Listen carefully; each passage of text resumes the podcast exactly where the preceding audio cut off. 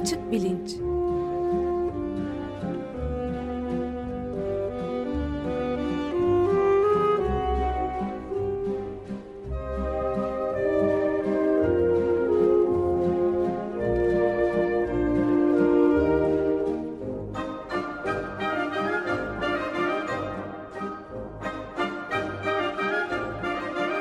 Güven Güzeldere ile bilim ve felsefe sohbetleri.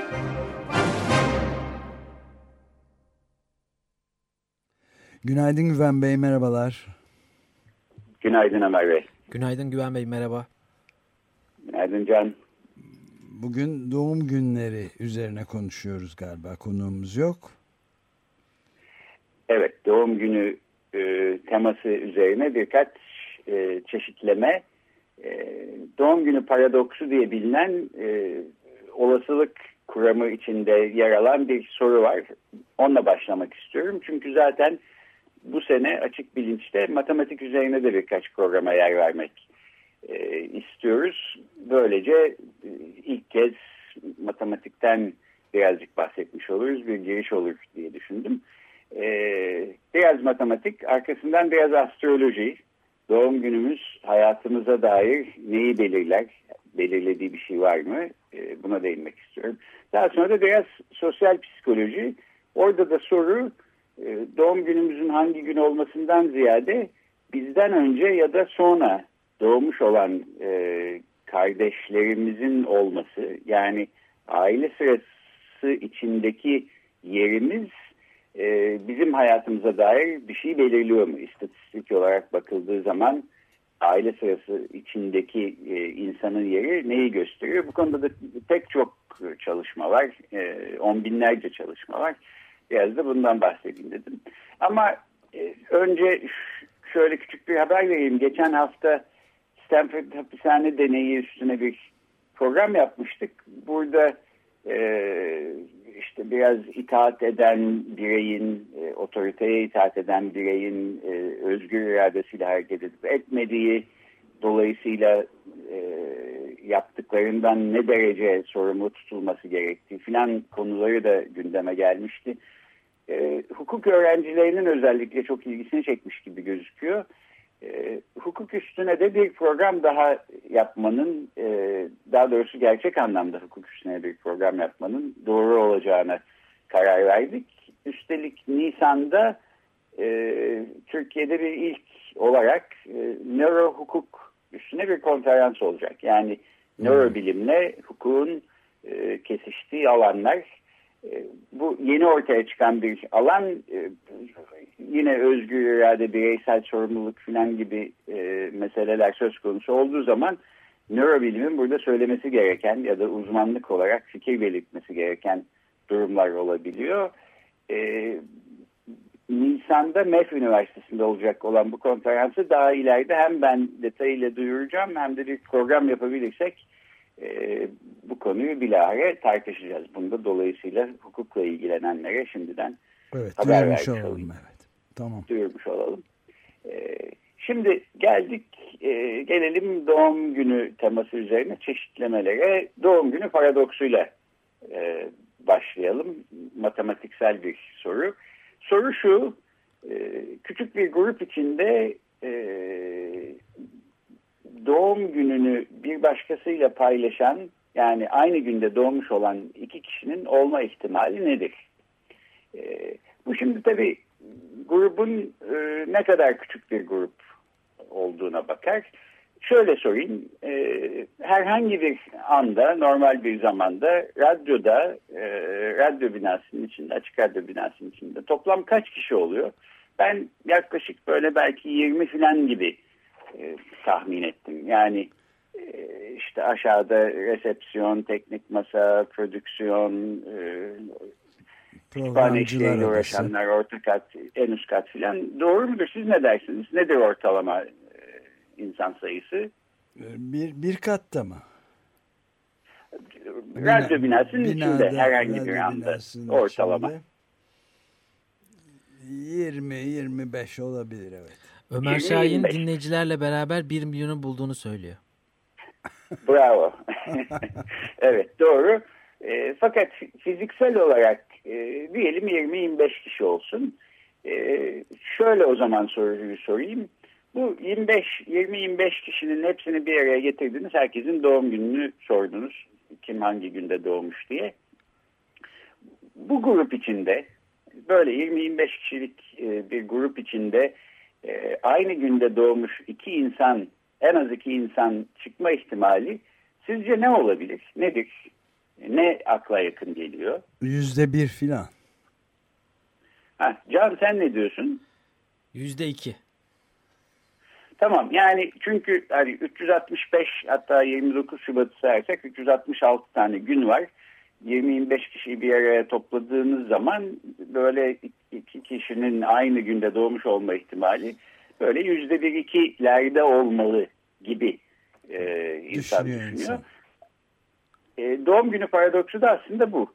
23 kişiyi bir araya getirdiğiniz zaman iki kişinin aynı günde doğmuş olma ihtimali yüzde 50 ye çıkmış oluyor. Yani yazı tura atar gibi. E, Allah Allah. Yüzde 50, yüzde 50. E, bu, bu tabii çok yüksek bir e, oran e, ve insanın e, yani ilk başta düşündüğüne e, yakın gelmeyen bir oran. Bu yüzden paradoks deniyor. Aslında belki bir paradoks değil ama anlaması zor bir durum. E, olasılık hesabından e, ya da olasılık kuramından bahsederken aslında buna benzer insanın e, aklına ilk e, başta yatmayan ama daha sonra kanıtına e, baktığınız zaman e, ikna olduğunuz pek çok ilginç durum söz konusu oluyor. Olasılık hesabı üstüne bir program yapıp bunların aslında herkesin anlayabileceği bir şekilde detayıyla e, aktarmaya çalışmak istiyorum.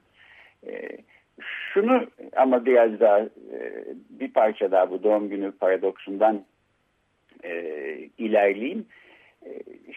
Mesela bir e, futbol maçına gittiniz. İşte bu eski adıyla Dolmabahçe Stadyumu'nda diyelim. Binlerce insan var. Orada aynı doğum gününü paylaşan iki insanın e, olma ihtimali nedir diye sorarsak yüzde yüz. Nereden biliyoruz? Çünkü zaten e, 367 kişiyi bir araya getirdiğiniz zaman mutlaka evet. herhangi bir günün e, günde en az iki kişinin doğmuş olması gerekiyor. Yani bir kişi 1 Ocak'ta doğdu, öbürü 2 Ocak'ta, öbürü 3 Ocak'ta 31 Aralık'a kadar gittiniz. 365 kişi 365 güne dağıttınız. Diyelim bir de aralarında 29 Şubat'ta doğan kişi var 366. Dolayısıyla 366 kişilik bir grupta herkesin ayrı bir doğum günü olması ihtimali var. Küçük de olsa. Ama 367. kişiyi koyduğunuz zaman mutlaka e, iki kişi bir günü doğum günü olarak paylaşıyor olacak. E, ama yani buradan insan hani şey diye düşünebilir. Peki 367 kişilik bir grupta %100 doğum günü paylaşma ihtimali e, %50 olması için bu grubun kaç kişi olması lazım? İşte belki 367'nin yarısı olması lazım hani böyle 180'li e, filan bir e, insandan oluşan bir grup olması lazım diye düşünülebilir. Bu tabii yanlış bir düşünce tarzı. 23 kişi yetiyor %50'ye varmak için. E, bunun niye böyle olduğunu bu programda anlatmaya çalışmayacağım. Bu çünkü bütün programı alacak bir konu olur. Hatta belki benim üniversitede olasılık teorisi dersimi e, veren hocam sonradan Boğaziçi Üniversitesi'nin rektörü olmuştu Ayşe Soysal. Bir şekilde kendisini ikna edebilirsem belki onun anlatması üzerine onu konuk alırız diye umuyordum. Şunu söyleyeyim ama bu olasılık hesabı ta 19. yüzyıldan e, şans oyunlarının e, analiz edilmesiyle e, başlayıp gelişen daha sonra 17. E, 18. yüzyıllarda çok aşama kaydedilen e, Fransız matematikçiler Fermat ve Pascal gibi e, matematikçilerin, akademisyenlerin e, önemli katkılarda bulunduğu ve içinde pek çok ilginç e, e, soru barındıran bir alan. E, bu konuda biraz e, okuma yapıyordum. Mesela bir yazı şöyle demiş. Bunun hesabını kanıtlamasını ben kendi başıma yapmadım ama doğru olduğunu tahmin ederim. E, milli piyango bileti aldınız. E, yılbaşı büyük ikramiyesinin elinizdeki numaraya çıkma olasılığı 10 milyonda birmiş. E, şimdi böyle bu tür çok büyük ya da çok küçük e, ihtimalleri hayal etmek insanın ya da gözünde canlandırması da aslında kolay değil. E, o yazıda şöyle bir örnek vermişler. E, diyorlar ki ortalama bir insanın kafasında 100 bin tane saç teli var. E, diyelim tek bir saç teliniz beyazlamış olsun. E, gelişi güzel bir şekilde ve bakmadan e, elinizi kafanıza götürdünüz ve bir saç teli çektiniz. E, bu beyazı bulma ihtimaliniz çok küçük bir ihtimal. E, fakat elinizdeki bilete büyük ikramiye çıkma e, ihtimalinden yine de 100 katı daha fazla beyaz teli e, seçme ihtimaliniz. Tabii. E, dolayısıyla böyle çok küçük olan ve tam nasıl e, aklımızda canlandırabileceğimizi bilmediğimiz e, olasılıklar için olasılık hesabında bu tür e, örnekler verilmesi işte kafanızdan bir saç teli çektiniz filan e, genellikle e, kullanılan bir yöntem olarak e, öne çıkıyor. Fakat şey de bu arada e, bir şey sorayım araya girdim ama e, bu kadar inanılmaz derecede düşük olan bir olasılığa rağmen e, insanların oluk oluk koşturarak kuyruklarda bekleyerek hatta belli gişelerde e, gişelerin önünde yağmurda çamurda e, beklemeleri evet. bu gerçekliği kabul etmemeleri gibi bir şeye ya, ya bilmiyorlar bu iş olasılık hesabını hiç duymamışlar ve çok daha yüksek zannediyorlar şansları ya da umursamıyorlar kabul etmiyorlar küresel iklim değişikliği gibi bir şey zaten galiba. Galiba biraz öyle. Bu konuda da aslında tabii yapılmış psikoloji çalışmaları var. Çünkü Milli Piyango İdaresi'nin aslında birazcık rasyonel olan insanlar topluluğu e, nezdinde hiç para kazanamaması lazım.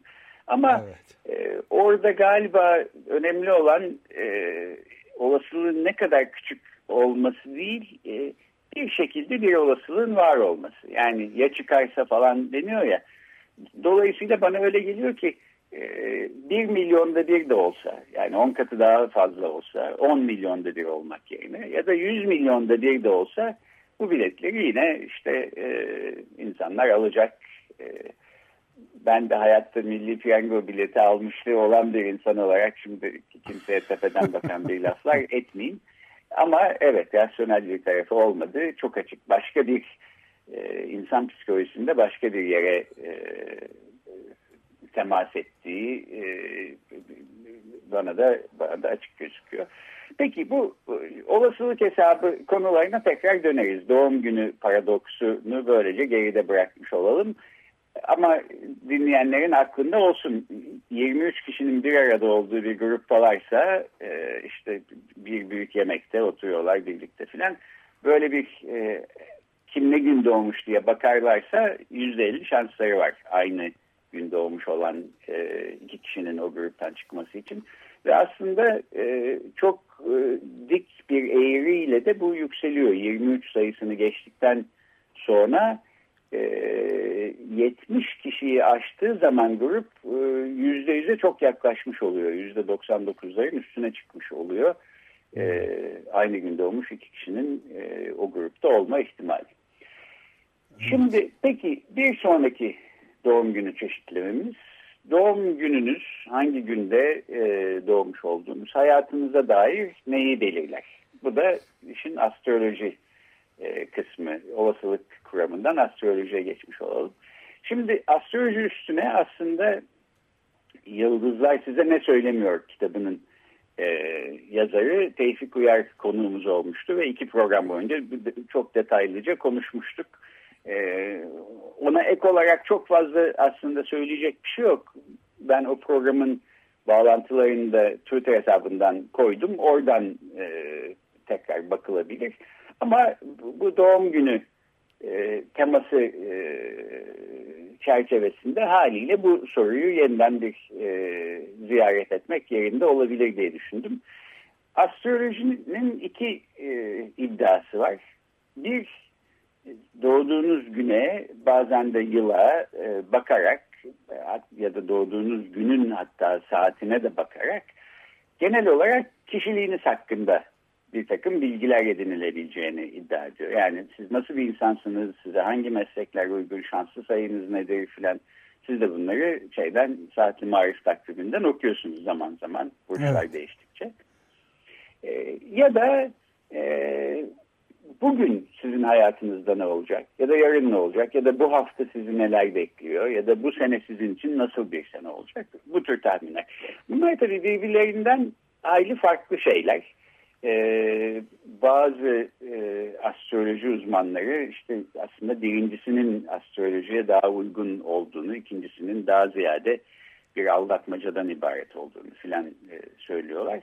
Fakat her halükarda astrolojinin e, nasıl çalışıyor ya da çalışabiliyor olduğuna dair e, hiçbir e, bilimsel veriyle uyumlu olan bir kuram e, olmadığını söylemek lazım.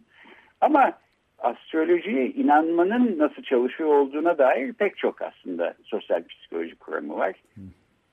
E, Barnum etkisi diye bir etki var mesela. Bunu e, çalışmış olan e, psikologlar diyorlar ki aslında bir grupta yer alan herkese uyabilecek ama o gruptaki herkesin Aa, bu bir tek benim hakkımda bir şeyler söylüyor diyeceği türde iddiaları ortaya atarsanız bu e, astrolojinin yanı sıra işte e,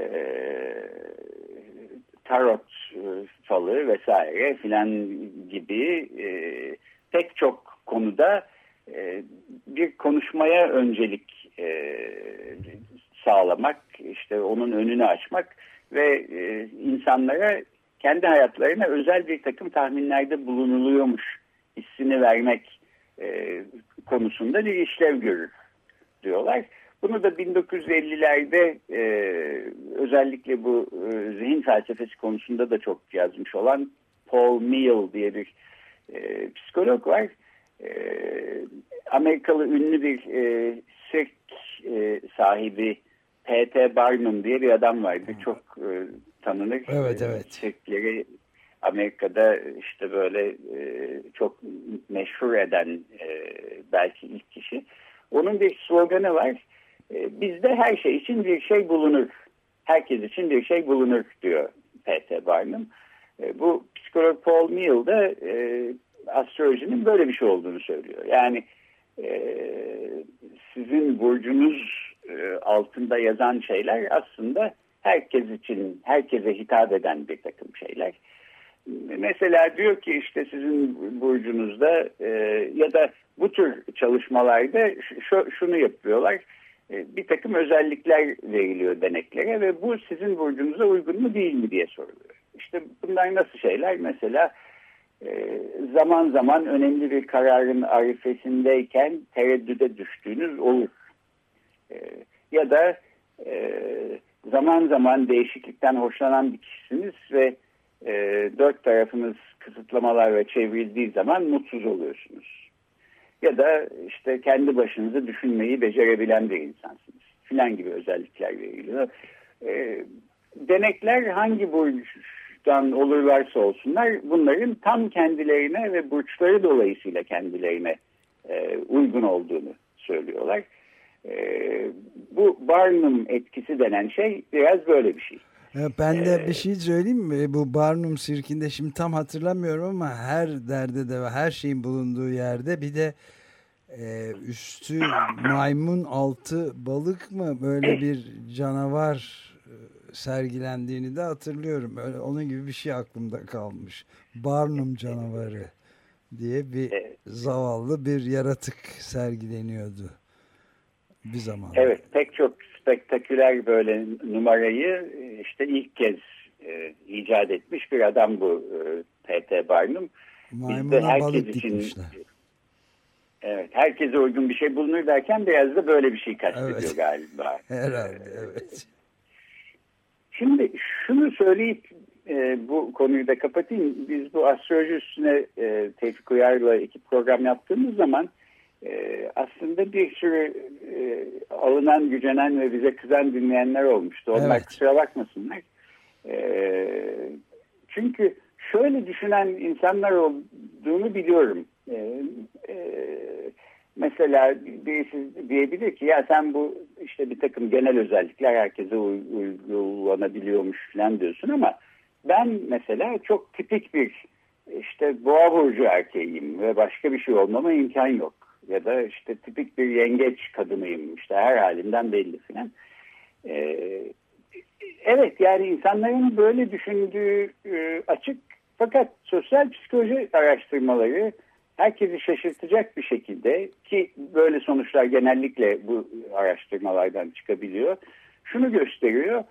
Bu e, en e, ben tipik şu burcu erkeği ya da kadınıyım başka bir şey olmama imkan yok diyen insan bile yarın kalktığında öğrenebilir ki aslında bir hata olmuş. Annesi babası nüfusa başka bir zaman yazdırmışlar ya da işte başka bir hikaye. Dolayısıyla çok tipik bir boğa burcu olduğunu düşünürken aslında yay burcu olduğu ortaya çıkacak ya da balık burcu olduğu ortaya çıkacak.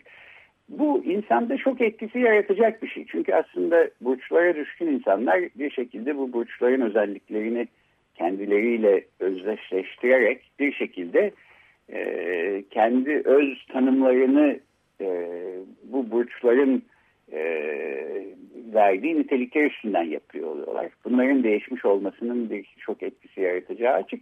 Fakat e, sahiden de burçların hepsine bir arada baktığımızda görüyoruz ki Barnum'un dediği gibi aslında herkese uygun bir şey var. Yani her burcun nitelikleri arasında herkese uygun olabilecek en aşağı bir nitelik bulmak mümkün. E, herkese uygun olmayacak en aşağı nitelikte bulmak mümkün. E, dolayısıyla e, bütün hayatınız boyunca boğa burcu olduğunuzu sanıyordunuz ve çok tipik bir boğa burcuyum falan diye anlatıyordunuz. E, işte aslında yay burcu olduğunuz ortaya çıktı. Yay burcunda da sizi memnun edecek bir takım şeyler bulunacaktır ve zaman içinde psikoloji araştırmalarının gösterdiği bu. Ben e, bir yay burcuyum diye memnun mutlu yaşıyor olabilirsiniz. E, Evet. Çok mutlu olmasanız da ben yay burcuyum ama tipik bir yay burcu değilim deme imkanınız var. Bunu yapmanın çeşitli araç gereçleri de var astroloji içinde. Mesela diyebilirsiniz ki tipik bir yay burcu değilim çünkü yükselen burcum işte e, balık falan. E, yükselen burç diye e, birinci burcu modifiye eden bir faktör daha var. Dolayısıyla bu faktörleri bir araya koyarak her türlü aslında hikayeyi anlatmak e, mümkün ve insanların e, çok inandıkları e, astroloji hikayelerini alt üst edip bambaşka hikayelere e, zaman içinde inanıyor olmalarının da mümkün olduğunu işte bu e, son hafta boyunca baktığım psikoloji araştırmaları gösteriyor. E, hayal, kır- hikayede hayal, burçlardan pardon hayal kırıcı olabilir ama bazen şimdi saatli marif takviminde mesela uğurlu müziğiniz marşlar diyor. Bazen mesela e, hangi askeri- burç için uğurlu müzik maaşlarmış? e, çeşitli burçlar için söylüyor. Ha, evet. E, Zaman şimdi zaman tabii yani bir de e, o da o da bir sorun çünkü 12 tane burç olduğuna göre dünyada ortalama her burçtan en aşağı e, 500 milyon ya da daha üstünde insan olması lazım. Evet. 500 milyonun 500'üne birden uygun olan müzik türü ya da renk ya da işte şanslı sayı filan koku. e, e, ya da koku bu- bunların ne kadar e, aslında akıldan uzak şeyler olduğunu e, görmek için öyle Olabilir. çok uzun boylu düşünmeye gerek Olabilir, yok herhalde. olabilir ama mesela Sir Arthur Conan Doyle, Bob Dylan ve aynı zamanda Fernando Pessoa'nın ortak özelliklerini bildiğiniz zaman İkizler Burcu'nun e, ya da yükseleni İkizler Burcu olan insanların ortak özelliklerini de bir şekilde anlamış olabiliyorsunuz diye düşündüm ben yıllar boyu. Vallahi e, ben İdeal de meslekleri aslında arasında da radyoculuk varmış mesela gazetecilik gibi. Ben de siz söylediğiniz şeyden e, saatli marif takviminden okudunuz. 12 burç arasında en e, üstün burç kova burcu. Yani onun doğru olduğu kesin. Diğer şeyleri bilemem ama bu, bu konuda fikrimi belirtmiş olayım. Evet, dün ee, onu özeline belirttik. En, yani kesin değilmiş ama öyle derler diyor saatli marif takvimi. En burçların evet. en güzelidir kova diyorlar. Peki şöyle bitireyim yani burçlardan konuşmak aslında e, hoş ve tatlı bir e, sohbete genellikle vesile olabiliyor. E, bunun ötesinde herkes inanmak istediğine inanmakta serbest. Kimse bize kızmasın. Bunu böyle daha hafif bir program olsun diye bugün bu şekilde evet. yapıyorum. Ee, çok vaktimiz kalmadı. Son konuyla kapatayım. Bu da aile sırası içindeki yerimiz peki hayatımıza dair bir şey söylüyor mu? Yani bazen şöyle şeyler denir ya işte e, çok çocuklu ailelerin en küçük çocukları daha maceraya yatkın olurlar ya da en büyük çocukları işte daha sorumluluk sahibi olurlar falan. Bunun böyle e, iddiaların doğru bir tarafı var mı? E, şimdiye kadar yaklaşık son 100 senede bunu merak eden psikologlar, sosyologlar, antropologlar e, pek çok çalışma yapmışlar ve 60 binin üzerinde aslında makale var bu konuda yazılmış. Fakat herkesin üstünde anlaştığı e, belki tek bir çalışma bile yok. E, bu da tabii ilginç bir şey. E, ta 1800'lerin sonlarında e, bu İngiliz e, matematikçi, psikolog, e, sosyolog böyle e, her şeyden anlayan Francis Galton diye bir adam vardı. O ilk bu konuda bir tez öne sürüyor. E, işte diyor ki ailelerdeki ilk çocuklar genellikle daha e, bağımsızlığına düşkün olur. Çünkü e, anne baba ile daha bir yetişkin e, ilişkisi içinde büyürler. E, kardeşlere göre dolayısıyla daha bağımsız olmayı düşünebilir falan. Bunu tabii bir e, çalışma e, temelinde değil, kendi gözlemleri temelinde böyle bir şey söylemiş oluyor. E, daha sonra bundan yaklaşık bir 50 sene falan sonra e, Avusturyalı psikoterapist ve e, bireysel psikolojinin de öncülerinden e, Alfred Adler e, bu konuya e, çok takılıyor.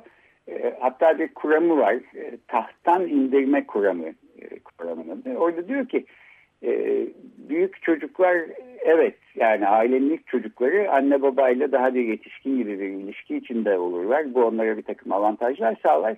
Fakat e, arkadan gelen kardeşleri tarafından tahttan indirilirler. Çünkü e, anne babaların ilgileri daha küçük çocuklara kayar. En küçük çocuğun ise hiçbir zaman tahttan tahtından indirilmesi, bu aile içindeki sevgi ve ilgi tahtından indirilmesi gerekmez. Bu da küçük çocuğun küçük çocuğa sağlanan aslında bir avantajdır diyor ve bu kuram üstüne bir takım e, tahminlerde bulunuyor.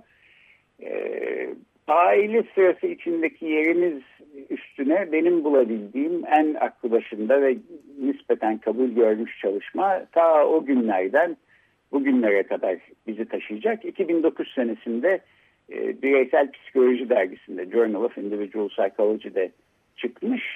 E, diyorlar ki e, hayli sağlam temellerde göstermeyi becerebilmişler.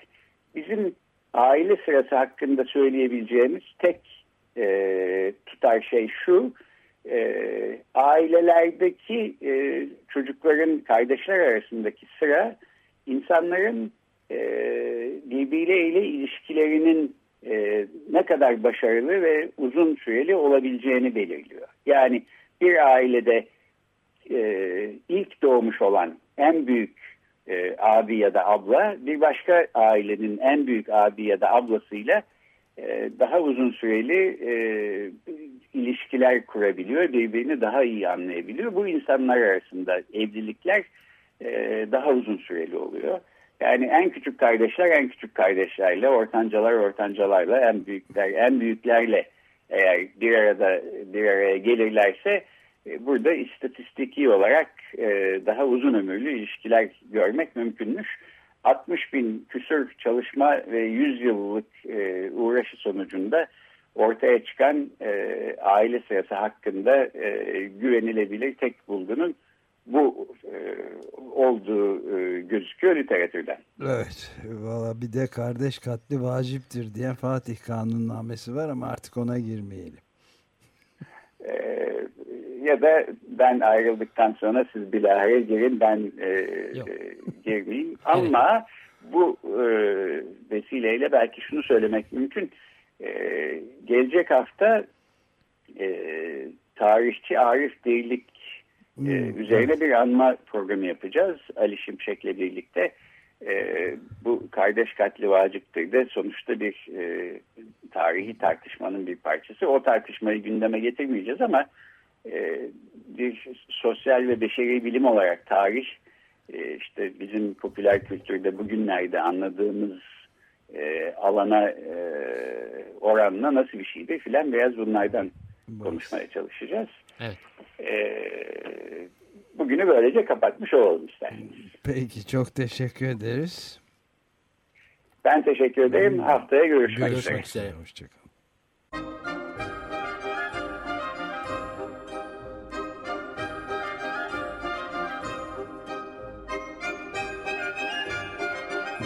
Açık Bilinç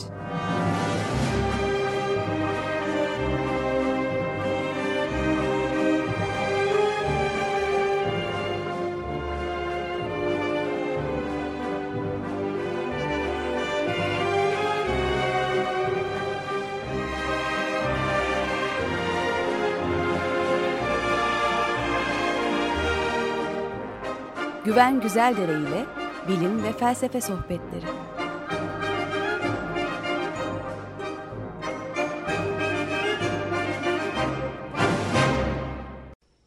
Radyo program destekçisi olun. Bir veya daha fazla programa destek olmak için 212 alan koduyla 343 41 41